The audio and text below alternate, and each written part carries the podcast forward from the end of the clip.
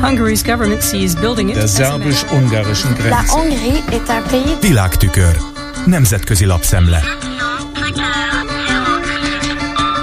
Azt írja a Financial Times, hogy a magyarok Ukrajnában Orbán ellen fordultak, mert hogy a háború mindent megváltoztatott, többek között a magyar kisebbség helyzetét, nézőpontját is, miután nem helyeslik a magyar kormány orosz barát álláspontját. 2017-ben az ukrán identitás megerősítésére született oktatási, illetve nyelvtörvény Orbán oldalára sodorta a kárpátaljaiakat, de a háború kezdete óta már nem támogatják Orbánt, aki közölte, hogy ez nem az ő háborúja, és hogy tűzszünetet kellene kötni az oroszokkal. Sőt, még Zelenszky elnök hungarofóbiájáról is beszélt. Panaszkodik az egyik helybéli, akiknek száma az utóbbi időben 150 ezerről 70-80 ezerre csökkent. 2018-ban olyannyira elmérgesedett a helyzet Magyarország és Ukrajna között, hogy kétszer is megtámadták a Magyar Kulturális Központot.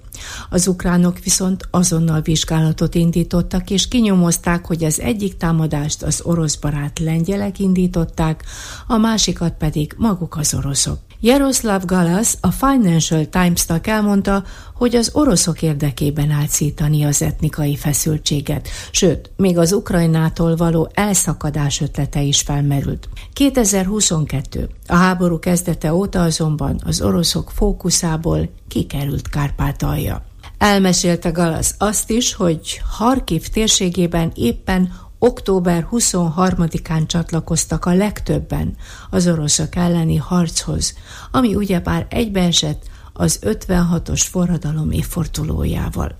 Fegyér Sándor, aki remélhetőleg egyszer csak átadhatja majd, mint ukrán nagykövet megbízó levelét Novák Katalinnak, nos, ő is ott harcolt azon a bizonyos napon, magyar és ukrán zászlóval a kezében, és arra biztatott, gyerünk Magyarország. Ez a videó olyannyira népszerűvé tette, hogy több száz támogatást, segítséget kapott, például töltőegységeket, drónokat és walkie különféle felszereléseket Magyarországról. Fegyér tudomása szerint 374 magyar harcol a fronton, és 31-en vesztették életüket.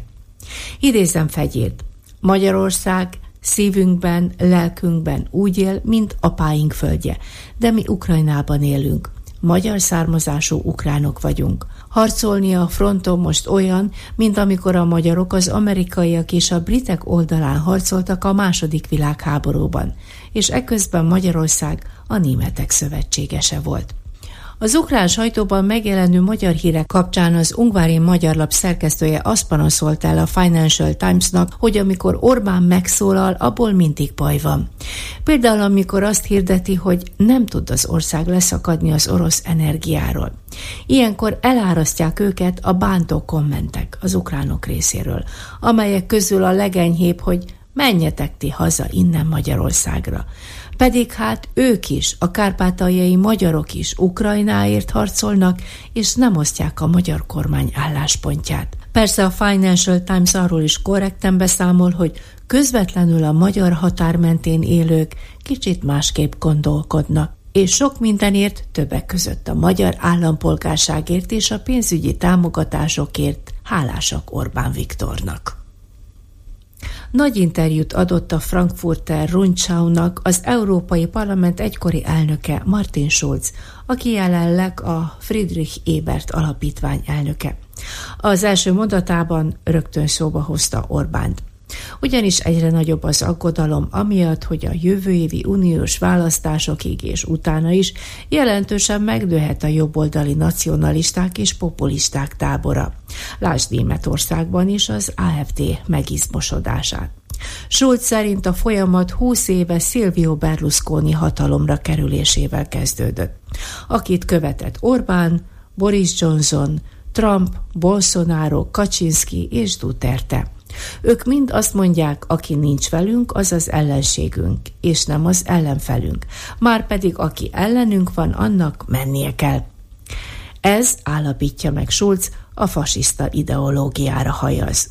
Kategórikusan állítja azt is a német politikus, hogy hiú ábránt Orbán és Kaczynski újra integrálása az uniós politikába. Orbán szinte azonnal reagált Martin Schulz kijelentéseire, és kommunistázott megint egy kedvére valót. Önkéntesek egy tonna műanyag szemetet haláztak ki a Tiszából Kenuban haladva egy nap alatt. Számol be az eseményről a Brit Independent. Ez egyébként egy tíznapos nemzetközi verseny is, amelynek célja, hogy a kis patakoktól kezdve a nagy folyókon át haladó szemét végül ne kerüljön a tengerekbe, óceánokba, amelyek pusztítanák a vizek élő világát. 2013 óta szervezik ezt a versenyt. Azóta legalább 330 tonna műanyagot, darabszámra körülbelül 4 milliót haláztak ki csak a magyar vizekből. Ukrajnából 770 tonnát gyűjtöttek össze. Az ENSZ beszélése szerint évente 19-23 millió tonna műanyag szemét kerül vizeinkbe világszerte.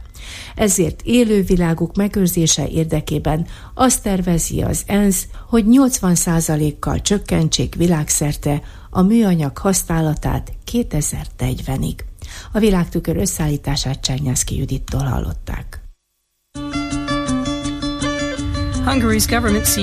Der szerbus-ungarischen Grenze. La Hongrie est un pays... Nemzetközi lapszemlét hallottak.